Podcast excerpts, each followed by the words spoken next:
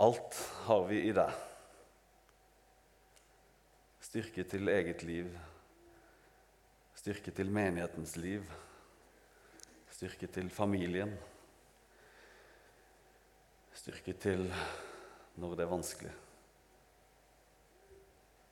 Takk, Jesus, at vi har alt i deg. Og nå ber vi at du eh, taler til oss, og at du minner oss på alt du har for oss. Amen.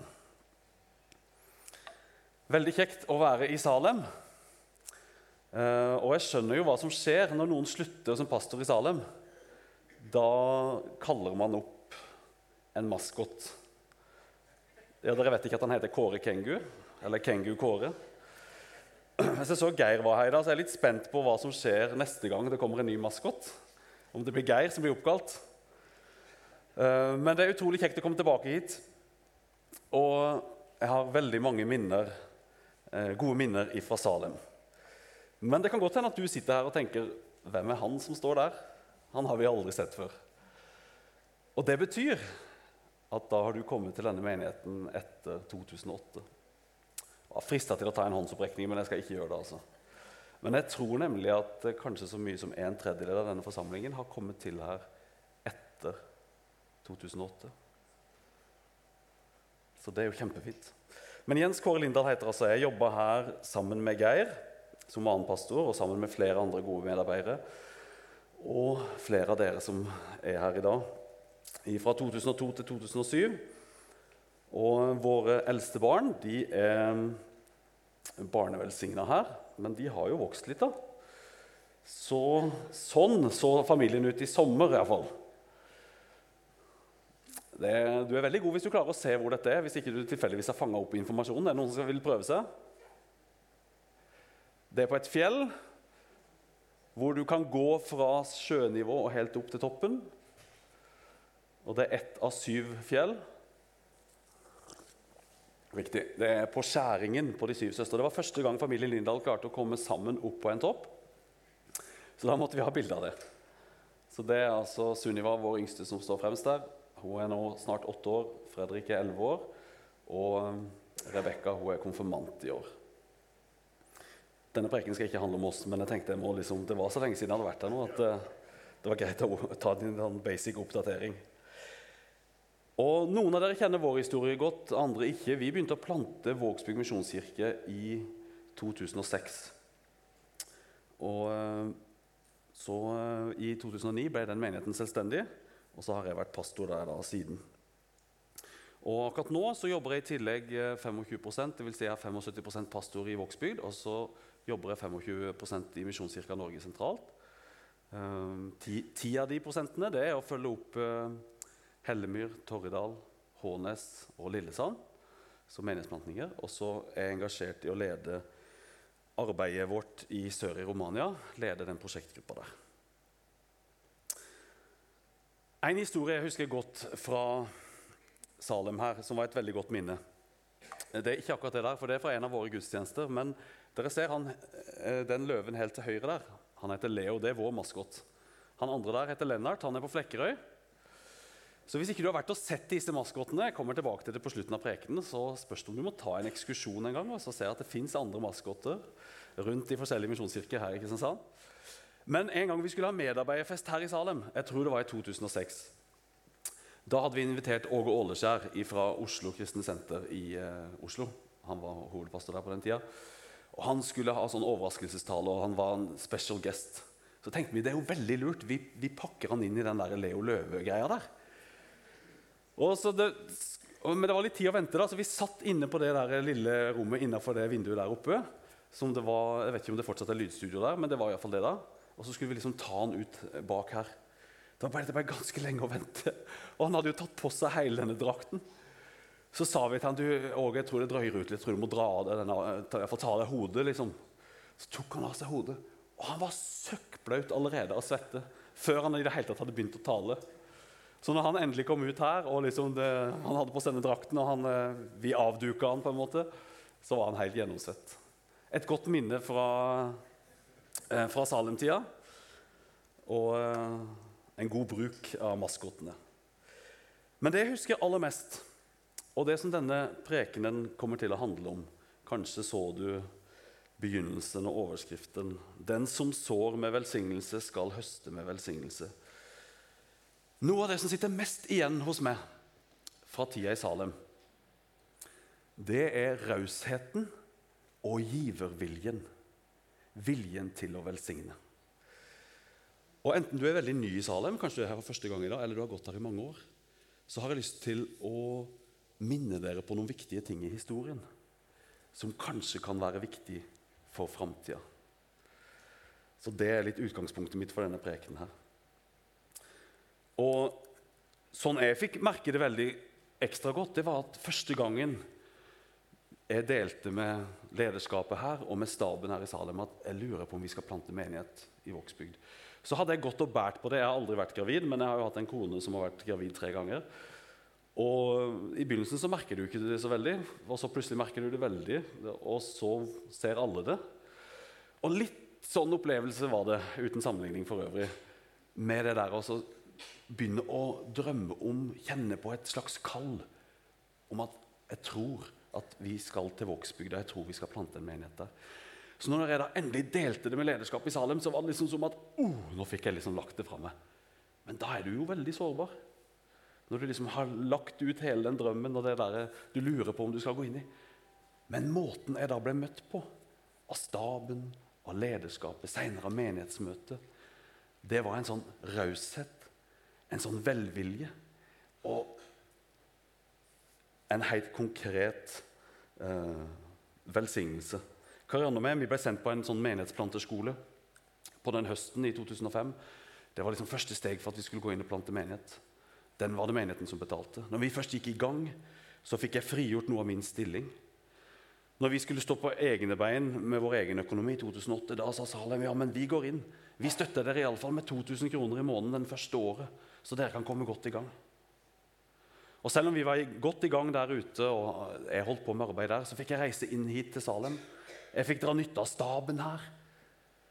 Og fikk på en måte merke at det var utrolig godt å ha mor veldig nært.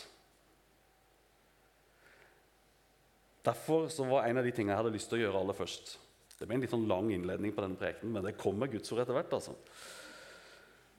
Det var å fra dypet av hjertet mitt si en takk til dere som menighet for den rausheten dere har vist. For evnen til å gi videre. For evnen til å tørre. Men så er det jo mye flere enn meg og oss i Vågsbygd som har fått erfare gleden av eh, givergleden i Salem. Og når jeg visste at jeg skulle tale her for ca. 14 dager siden, eller tre uker siden, så tenkte jeg meg en gang nå skal jeg ringe til alle eh, misjonskirkene i Kristiansand og Søgne. Og jeg får sende mail, og så òg ringe og høre hva Salem betydd for dere. Og eh, det skulle gjerne vært, Jeg skulle gjerne hatt det på tape her, alle sammen, men det har jeg ikke. Men jeg har noe etter hvert. Og samtlige sier det som Salem har investert i oss, det har vært helt avgjørende for at vi er der vi er i dag. Og de ønska bare at jeg skulle si en stor, stor takk tilbake.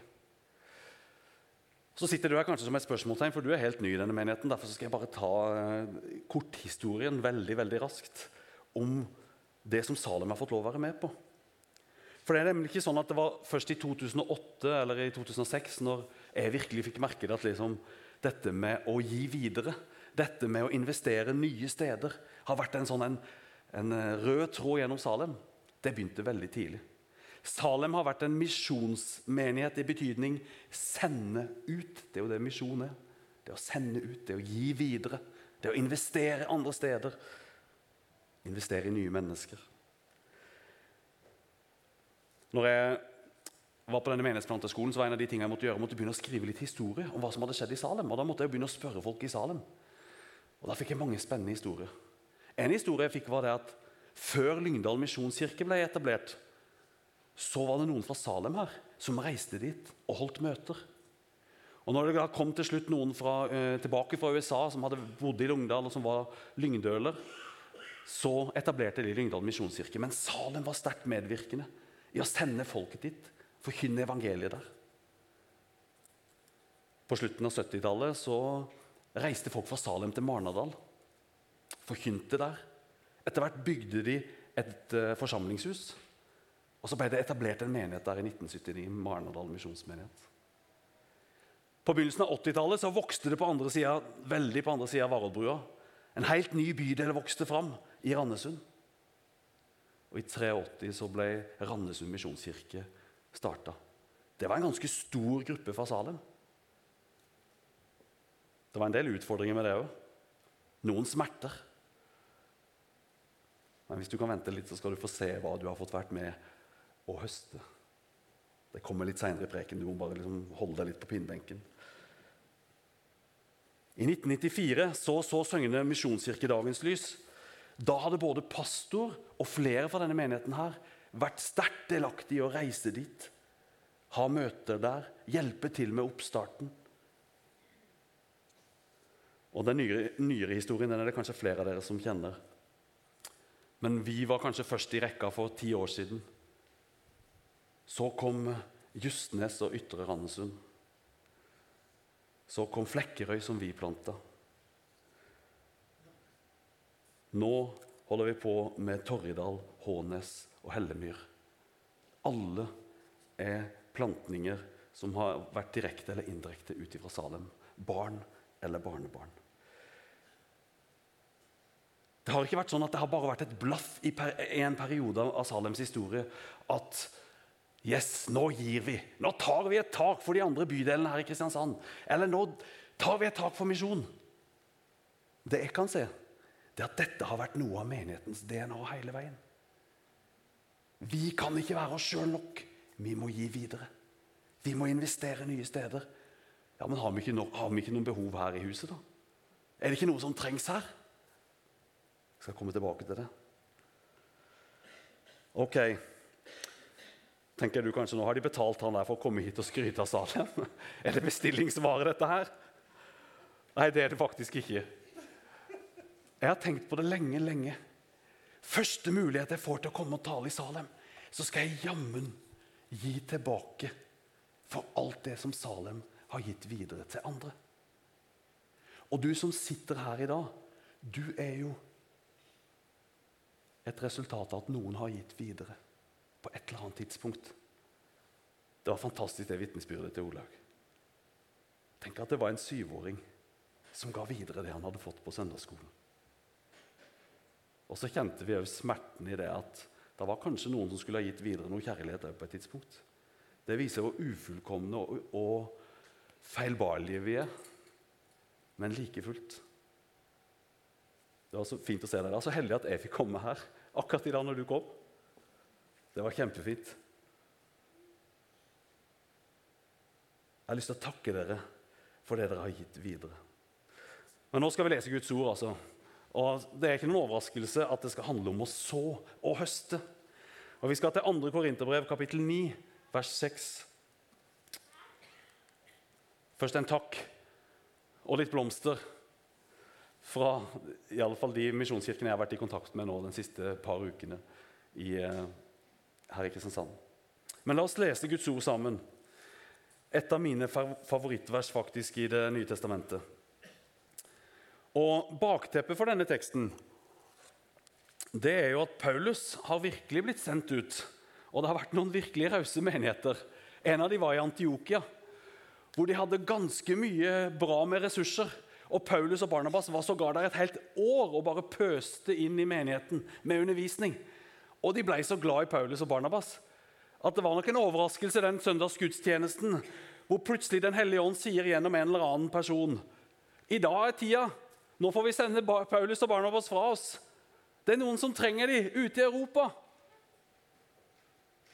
Hvis du vil lese den historien, så står den i Apostelens gjerning kapittel 13 fra vers 1 og utover. Da de hadde gudstjeneste og fastet, sa Den hellige ånd, ta ut for meg Paulus og Barnabas og send dem videre til det oppdraget jeg har gitt dem. Ja, så går jo da Paulus på det oppdraget flere runder. Og En av de menighetene som ble etablert på grunnlag av det, er jo Korintermenigheten. Og På en seinere reise så vil eh, Paulus gi noe tilbake og Da er det ikke til menigheten i Antiokia primært, men det er til menigheten i Jerusalem. For der hadde de en stor utfordring med de fattige. Og så ønsker han å ha en innsamling. Og så forbereder han menigheten han skal komme til på den innsamlingen, bl.a. Korintermenigheten. Og det er litt av bakteppet. Hvis du leser 2. Korinterbrev kapittel 8 og 9, så handler det litt om det. Men midt oppi at det handler om en innsamlingsaksjon til de fattige i menigheten i Jerusalem, så kommer Paulus med noen sånne generelle, sterke oppfordringer. La oss lese. Men det sier jeg. Den som sår sparsomt, skal høste sparsomt. Den som sår med velsignelse, skal høste med velsignelse. Enhver skal gi det han har bestemt seg for i sitt hjerte, ikke med ulyst eller av tvang, for Gud elsker en glad giver. Og Gud makter å gi dere all sin gave i rikt mål, så dere alltid og under alle forhold har nok av alt, ja, har overflod til all god gjerning. For det står skrevet:" Han strødde ut og ga til de fattige. Hans rettferd skal alltid vare. Han som gir såkorn til den som skal så, og brød til å spise. Han skal også gi dere såkorn, og la det bære rikelig, og la deres rettferdighet bære rik frukt. Dere skal ha rikelig av alt, så dere gjerne vil gi. Og så skal takken stige opp til Gud når vi overbringer gaven. I dag merker vi at våren er i anmarsj. De, skulle, de meldte opp i 16 grader i dag, tror jeg. Og Jeg kunne allerede se det på plenen. Den som så ganske død ut i går, og det var frost på morgenen, liksom, den, var, liksom, den strekte seg etter sola. Og da vet jo alle med litt bakgrunn fra, fra bondeyrket at hvis du har tenkt å få noe å høste ute i september-oktober, enten det er poteter eller det er noe på, i hagen av bær eller andre ting, eller om det er blomster du ønsker å se litt lenger fram, så må du på et eller annet tidspunkt putte noe i jorda. Det hjelper ikke å ha en svær åker og ei sol som skinner, og masse godt med næring og masse godt med, med, med sol og vann, hvis ikke du putter noe i jorda. Du må så. Og det er en direkte sammenheng mellom det du sår, og det du kan høste. Og så sier Paulus at sånn er det òg i Guds rike. Det er en sammenheng mellom hva vi sår, og hva vi høster. Og så kommer han med noen veldig gode nyheter i denne teksten. For hva var det det sto her? Står, han, det står at 'Han som gir såkorn til den som skal så'. De gode nyhetene er nemlig at Gud har allerede gitt oss såkornet. Så vi har allerede fått det som skal gi den store innhøstningen, den store veksten men vi må putte det i jorda. Vi må gi det videre. Vi må investere det. Hvis ikke så blir det bare det ene kornet. Hva er dette såkornet for noe? Jo, Akkurat i denne teksten så tror jeg nok Paulus eh, refererer ganske godt til pengene i Korint. Men jeg tror vi kan anvende det mye bredere, for vi ser at dette er en prinsipp i det hele Nye, testamentet, hvor Jesus også snakker om at den som gir, han får. Den som investerer, han kan høste. Jeg tror det handler om alt vi forvalter. Både av det livet Gud har gitt oss på skaperplan, og alt han har gitt oss i Jesus Kristus gjennom frelsen. Alt det er såkorn som vi har fått. Og så er spørsmålet hvordan investerer vi det videre? Det kan være å dele livet vårt. Det kan være å dele vitnesbyrdet, sånn som Olaug gjorde her. Og straks skal dere få høre et til. Det kan være kjærligheten vår. Oppmuntringene. Det kan være penger, det kan være ressurser. Alt hva han har gitt til oss. Men så minner teksten oss om et alvor, nemlig at det er en mulighet for at vi ikke sår, at vi ikke investerer, eller at vi iallfall er veldig gniende på hva vi gir videre. Enten det er det ene eller det andre. Det er alltid en fristelse å holde det jeg har fått, for meg sjøl. I alle fall så mye at jeg har kontrollen. Og Ofte så tror jeg noe det som ligger under, er at man er redd for å miste noe. Ja, men ikke sant? Særlig unge skjønner jo dette med en gang. Så har de fått en hundrelapp. Og så var det tiltenkt at de skulle få lov å bruke den på, kanskje på godteri. da, eller et eller annet sånt. Men så kommer du på gudstjenesten, og så sier de, du, så har de fått en 50-lapp og fem tiere. da, så Du skal ikke gi ti kroner i kollekten. da. De regner veldig fort ut at det blir ti kroner mindre i godteri på meg etterpå. Så da er man livredd for å miste noe. Så redselen for hva man kan miste, blir større enn de mulighetene det kan gi å gi den kollekten. Nå skal vi ikke presse barn til å gi penger av det de har fått til godteri, altså. men eh, sånn tenker vi litt noen ganger òg. Jeg tenker litt sånn. Ja, men hvis jeg gir det fra meg, så mister jeg jo noe.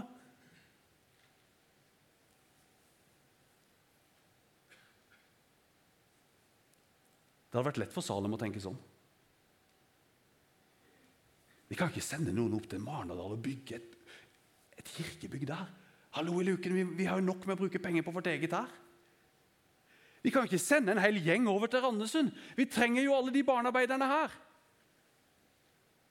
Vi kan ikke sende han der ute i Vågsbygda. Jeg mener, Vi har behov for de pastorene vi har her. eller vi... Men når kan vi gjøre det? Når tilliten til at Gud vil sørge for både det vi trenger, og det de trenger for å gå. Da kan vi det. Og det er det Salem har gjort. Det er det som har ligget som et DNA. Det er ikke sikkert at alle har kjent det sånn til enhver tid. Det tviler jeg veldig på. Men det har vært nok på en måte drivkraft i menighetens kjerne til å våge å si vi skjønner at dette bildet går ikke helt opp, vi trenger egentlig noe sjøl, men vi velger å gi. Vi velger å investere. Vi velger å gi videre allikevel.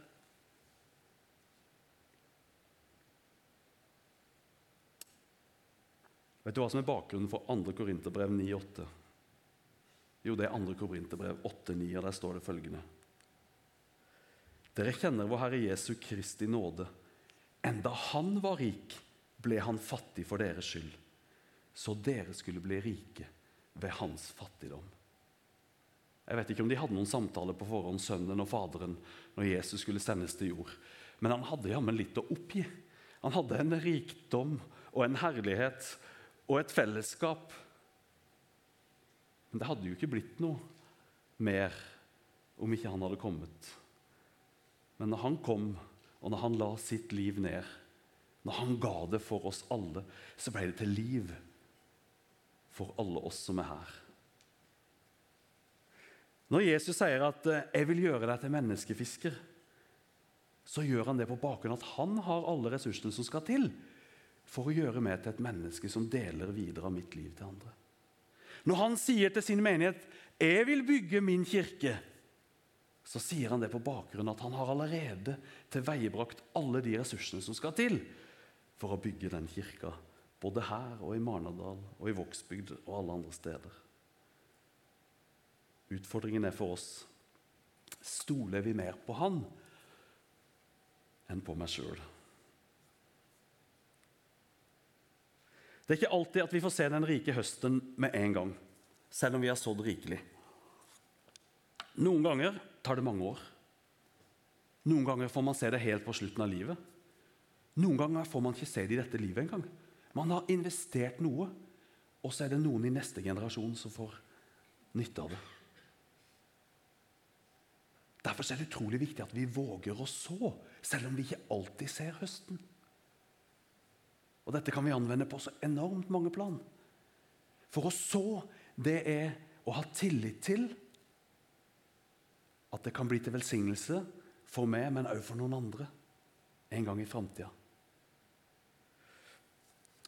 Men den investeringen som dere har gjort her i salen, med å være villig til å gi, den har allerede gitt avkastning. Randesund misjonskirke, som ble starta i 1983 jeg må bare ha opp en annen Klarer å lese det der? Hvis ikke må dere hjelpe meg. Jeg tror det står at de er 221 i dag på gudstjeneste. De er 300 barn og unge. Og hvis du spør de i Randesund hvem av dere tenker at Randesund misjonskirke er deres menighet, så er det 750 stykker som sier det. Det har blitt noe mer enn den gjengen som dere sendte ut. Det har blitt noe mye mer. Og Randesund sendte jo i sin tid igjen ut Ytre Randesund i 2013. De er nå 200 på gudstjeneste. Det er 150 barn og unge. Så klarer jeg ikke å se det helt, men er det ca. 300? 330 tilhørende. Må snart få briller. Passert 40, vet du.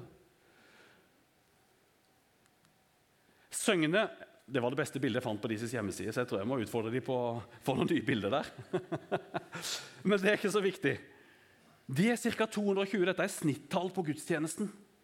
De er 140 barn og unge. Og de er 320 som vil si at jeg tilhører Søgne misjonskirke.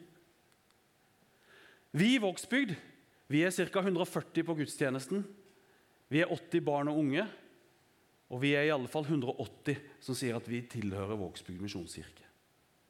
Og så vet noen av dere at vi fikk den samme utfordringen som Salem fikk. Tilbake i 2011. For da begynte en haug med folk å renne inn fra Flekkerøy, og vi lurte «Øh, hva er dette for noe. Plutselig var vi dobbelt så mange på gudstjenesten. Og så ble det ganske klart et spørsmål vi trenger å se på mulighetene for å plante der. Lang historiekort. I 2014 starta de sin gudstjeneste. Da sendte vi 120 personer ut fra vår menighet. Det var en ganske kraftig fødsel for en ganske ung mor. Det var halvparten av de som gikk på vår gudstjeneste. Men i dag er de 235 i snitt på sin gudstjeneste. De er 150 barn og ungdom. De er 280 mennesker som sier vi tilhører Flekkerøy misjonskirke. Justnes de ble starta i 2013 eller ble selvstendig da. I dag er det 175 som går jevnlig på en gudstjeneste der. Det er 80 barn og unge. Det er 200 som sier de tilhører den menigheten.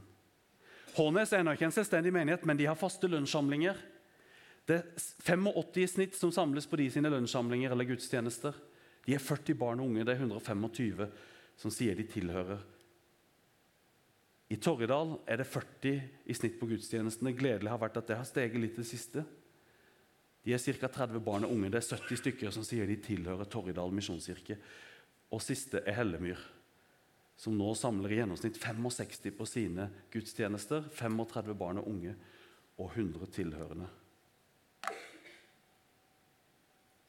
Det betyr at i misjonskirkene i Kristiansand og Søgne samles på en søndag, eller noen har annenhver søndag, 1687 personer til gudstjeneste.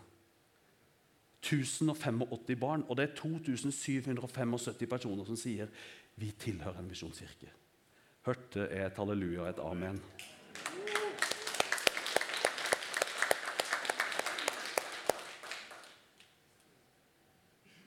Men det hadde ikke skjedd hvis ikke noen hadde vært villig til å gi. Her ligger den ufattelige hemmeligheten i Guds rike.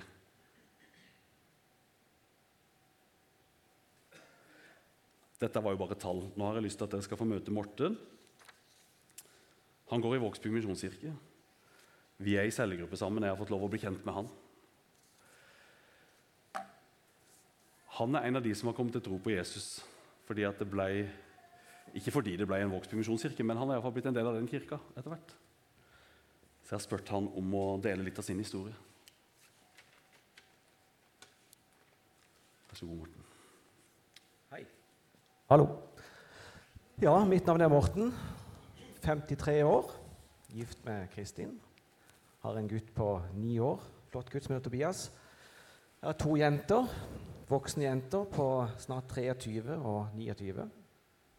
Takk for uh, ditt vitnesbyrd. Uten kjærlighet så funker det ikke. Kjærlighet det gjør at vi kommer til tro, og tro gjør at vi får et håp. Jeg vil gjerne be en bønn før jeg begynner. Kjære himmelske Far, jeg takker for at vi kan samles her i ditt hus. Jeg takker for menigheten her, takker for fellesskapet. Takker for fellesskapet i Vågsbygd misjonskirke og de livsnære gruppene, cellegruppe. Far, du kjenner alle som er et sted i dag. Du kjenner til deres hverdag, du kjenner til uka de har gått gjennom. Du kjenner deres sykdommer, du kjenner hva de strir med håp og glede. Du ser alt. Jeg vil bare at du skal møte hver enkelt her inne med din Hellige Ånd. At du kan krype mellom benkeradene her og treffe dem i hjertet og møte dem der de trengs. Um, Da skal jeg begynne på min lille historie. Så håper jeg at den kan uh, treffe noen. Gjøre at noen kan uh, kanskje ta et steg videre, eller kanskje Oi, det var ikke så skummelt å gå opp og si noe. Det er kanskje litt sånn en liten hvit løgn, da, men eh, jeg tror det skal gå bra. Eh, I 2013 Det er bare litt sånn eh, forhistorie for, uh, for, mitt liv med Jesus. da. I 2013 så hadde jeg ei kone som ble uh, syk. Hun var kristen siden hun var ja, ca. 16 år. Vært litt utenfor menigheter og ja, kanskje fomla litt i, i, mørket. Men ble møtt på nytt av Gud, og en del av endringene skjedde gjennom forbønn.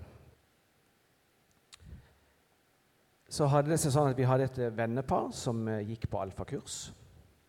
Eh, vi var litt nysgjerrige på hva dette var, men eh, i og med ja, sykdom og vi hadde oppussing hjemme, så var det ikke helt tida for det. Så vi eh, ble med på en avslutningsmiddag i 2014.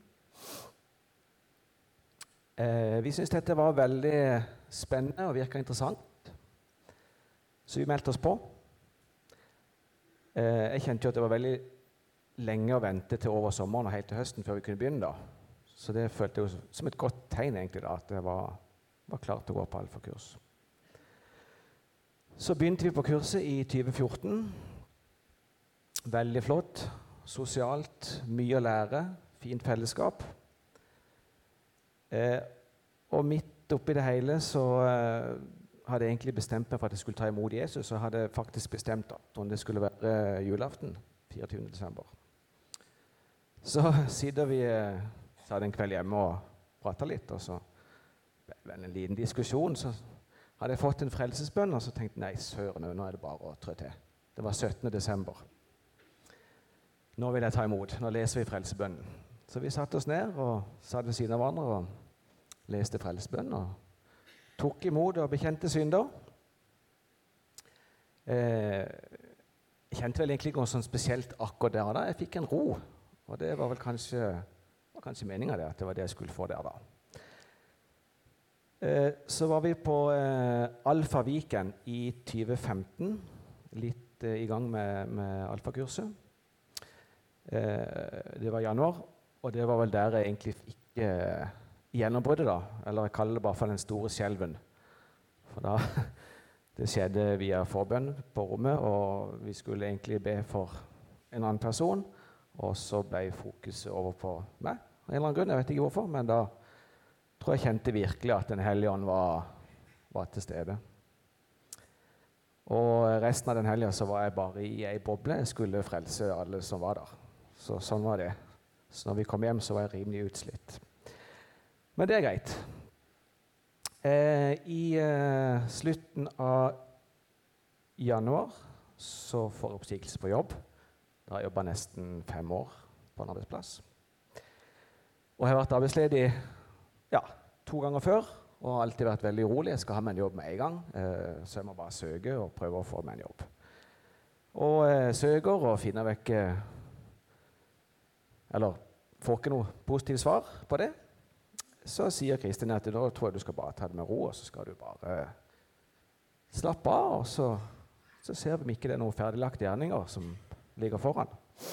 OK, så, så gjør jeg det. Dropper uh, å søke. Så kommer sommeren, og vi slapper av. Vi er på båttur med gode venner. Og, og så, uh, så får jeg et salgsoppdrag.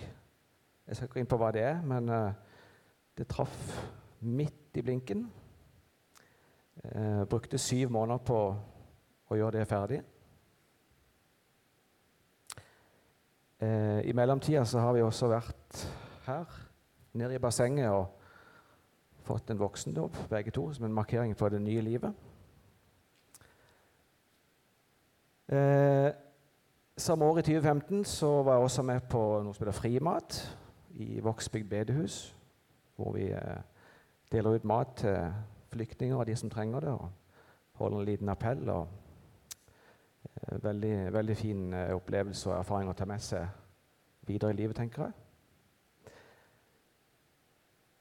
Så går det mot sommer igjen. Går litt, går litt fort, men det gjør ikke noe, det. Jeg tror jeg fikk seks eller tolv minutter, men. Kanskje det blir 20. Jeg vet ikke.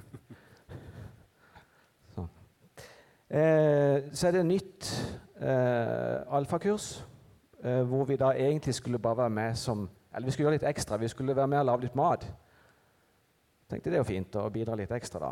Men så ender vi jo opp som litt sånn hjelpeledere, da. Så vi kommer litt mer eh, inn på livet på en del på gruppene. Og det har ført med seg mye fint. Bl.a. folk som har kommet til tro. Og det har vært med på å velsigne folk til å ta imot Jesus. Og det, det er superfint.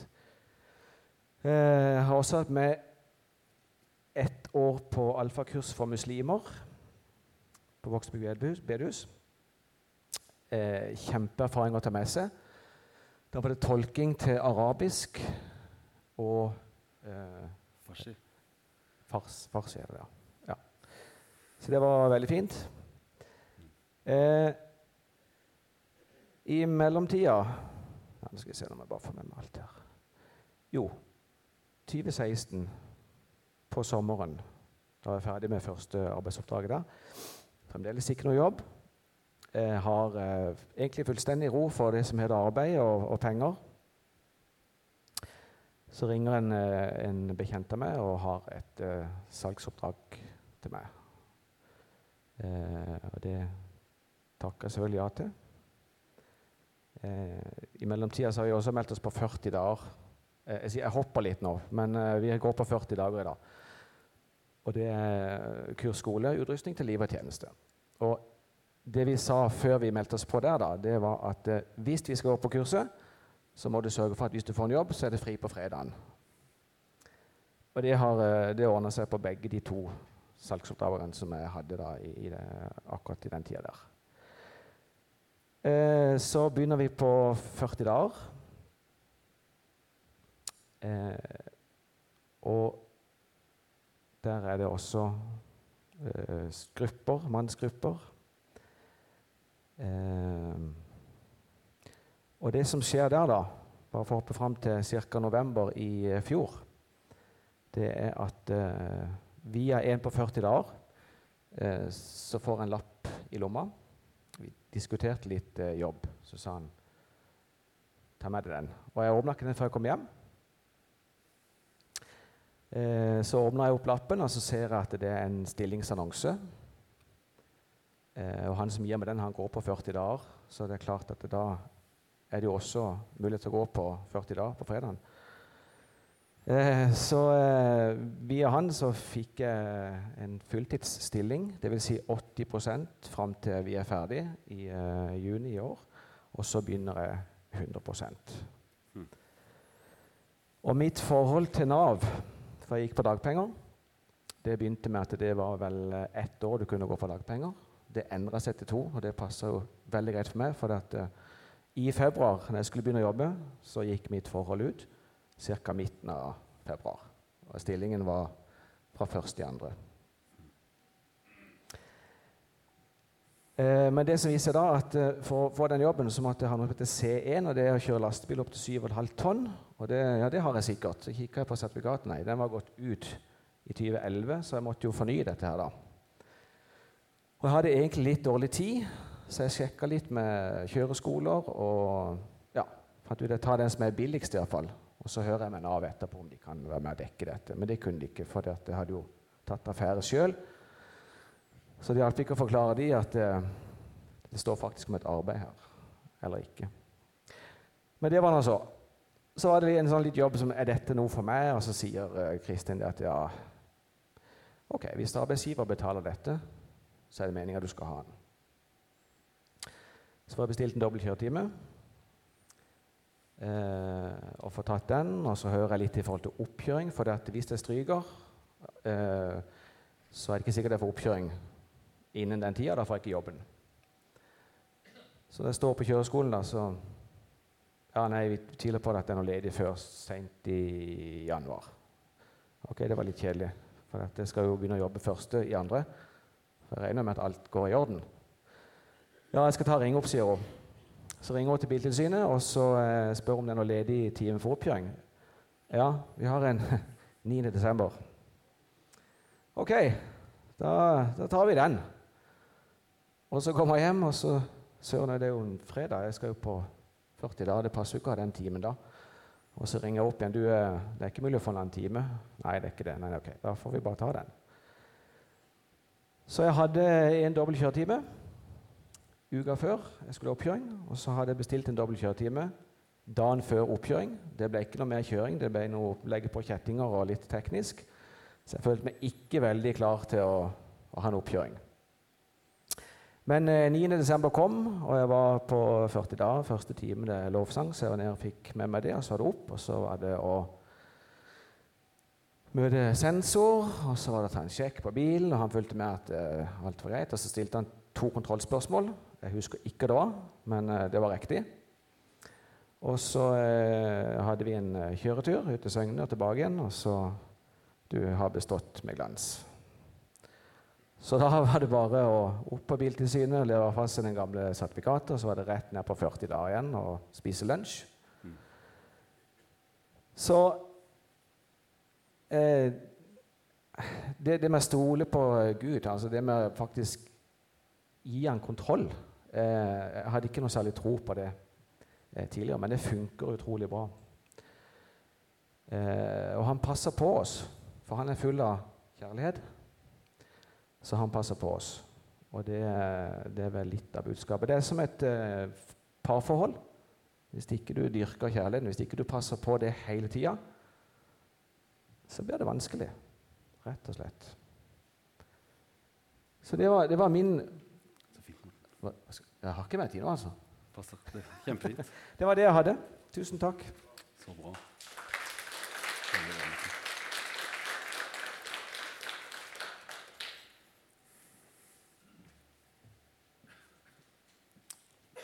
Tusen takk skal du ha, Morten. Jeg er i cellegruppe med Morten, og det er eh, utrolig fint. Du vet, om du er blitt over 40 år, har vært pastor i kanskje 18 år, vært kristen hele livet, så har jeg lært veldig mye på de to siste åra av å være i gruppe med Morten og andre. Fordi du får et friskt møte med Jesus og hva evangeliet og hva det er å lære å stole på Gud. Det er frukten av at vi gir videre. Da kan det vokse i flere mennesker og i flere menigheter. Nå skal jeg bare lande her, og jeg skal stille spørsmålet Hva nå? Hvor går, skulle det stått der. Hvor veien videre for Salem? Det gikk litt fort. Hvor går veien videre for deg personlig? Nå er det heldigvis ikke meg som skal stake ut kursen videre for denne menigheten. Altså. Det er det Jesus som skal gjøre. Og han skal tale til det lederskapet som er her. Han skal tale til dere som menighet. Men jeg tror likevel at det ligger noe i deres DNA som allerede gir en retning for denne menigheten. Og det er noe av det jeg har forsøkt å løfte fram. Og det går an å anvende både som menighet og som enkeltperson. Som enkeltperson så tenker jeg Hva er det de såkorna som Gud har gitt deg? Jeg vet ikke om du har tenkt sånn på det. Men livet ditt er til for å nytes, absolutt. Det understreker Bibelen veldig tydelig. Men det er òg til for å investeres videre. Veldig konkret skjer det jo hvis, hvis man har en familie og får barn på den måten. Men det, det er ikke alle som får det. Og det er overhodet ikke noe kriterium for å kunne være med og gi videre. Alt Gud har gitt deg, alt Han har velsigna deg med, alt Han har skapt deg med, og alt Han har gitt deg i Jesus Kristus, det ønsker Han at du skulle være med og investere videre.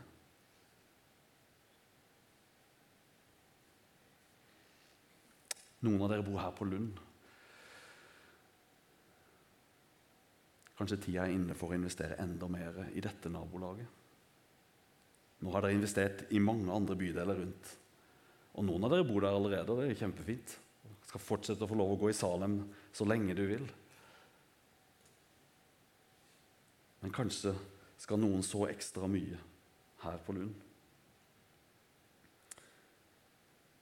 Så rikelig, da skal du få høste med rik velsignelse. Og løftet i disse versene er så ekstremt store. Det går ikke an å gi mer enn at Gud sørger for at du får nok tilbake. Ikke til å bli kjemperik nødvendigvis, men til å ha overflod til all god gjerning.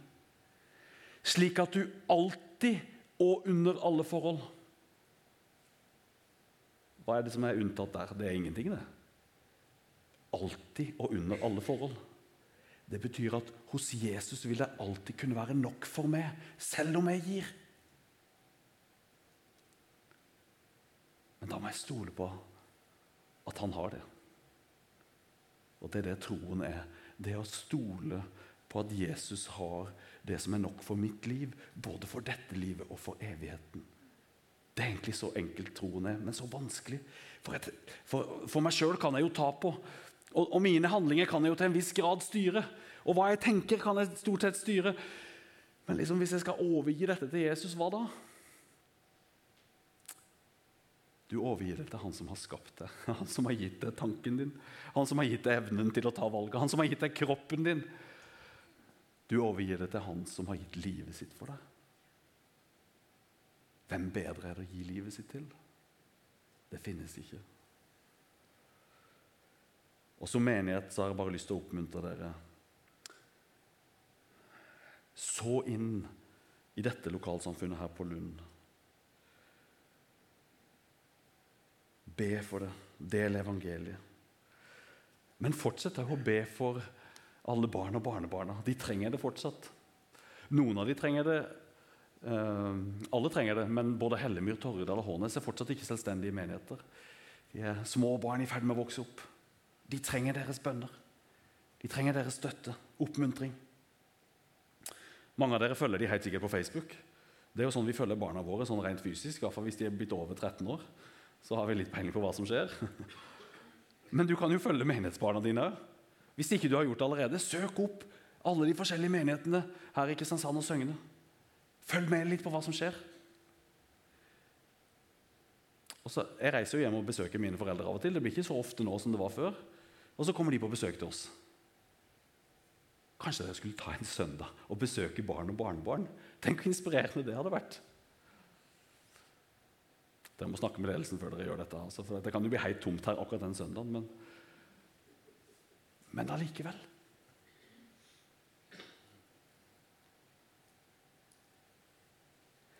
Og til slutt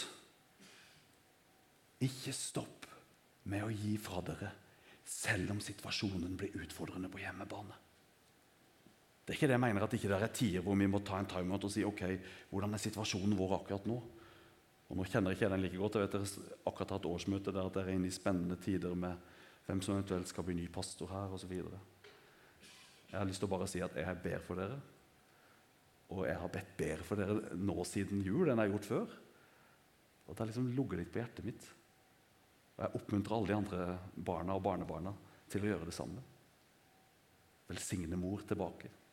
Bestemor. Men tenk på hva som har skjedd de ti siste åra, de tallene vi hadde på veggen der. Misjonskirka i Kristiansand og Søgne har mye mer enn dobla seg totalt. Den har tredobla seg. Og det er jo bare på ti år. Tenk på hva som vil skje i alle disse bydelene ti år fra nå. Når dette får lov å ligge oss syde og gro og vokse, og nye kommer til. Hva skal Salem investere i de neste ti åra? Ja, det begynner å bli få bydeler igjen i Kristiansand. Men det fins jo haugevis i resten av dette landet her.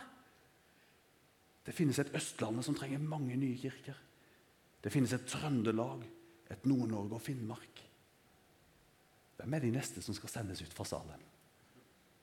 Hvor skal de neste pengene til menighetsplanting gå når de er i boks på Hellemyr og Torjedal? Jeg tror Jesus bygger denne menigheten. Og han bygger det gjennom mennesker som gir videre. Og et lederskap som er modig, og som våger. Og Det har jeg bare lyst til å oppmuntre dere til å fortsette med. Far i himmelen, takk for Salem. Takk for alle menneskene som har betydd noe her. Takk for Olaug, som har sådd inn i speidere i mange år. Velsign henne tilbake, Herre. Takk for alle andre enkeltpersoner som har vært der siden denne menigheten ble starta, og som har sådd inn. Takk for alle som sitter her nå. Jeg ber, Herre, at du gir oss troen på at når vi gir til deg, så mangfoldiggjør du det. Du tar de fem brødene de to små fiskene, og så metter du tusener. Herre, hjelp oss ikke holde noe tilbake. Verken av vitnesbyrdet vårt eller av kjærligheten vår eller av pengene våre. Men la oss gi dem til deg, Jesus, så du kan mangfoldiggjøre dem og velsigne mange, mange mennesker. I ditt navn. Amen.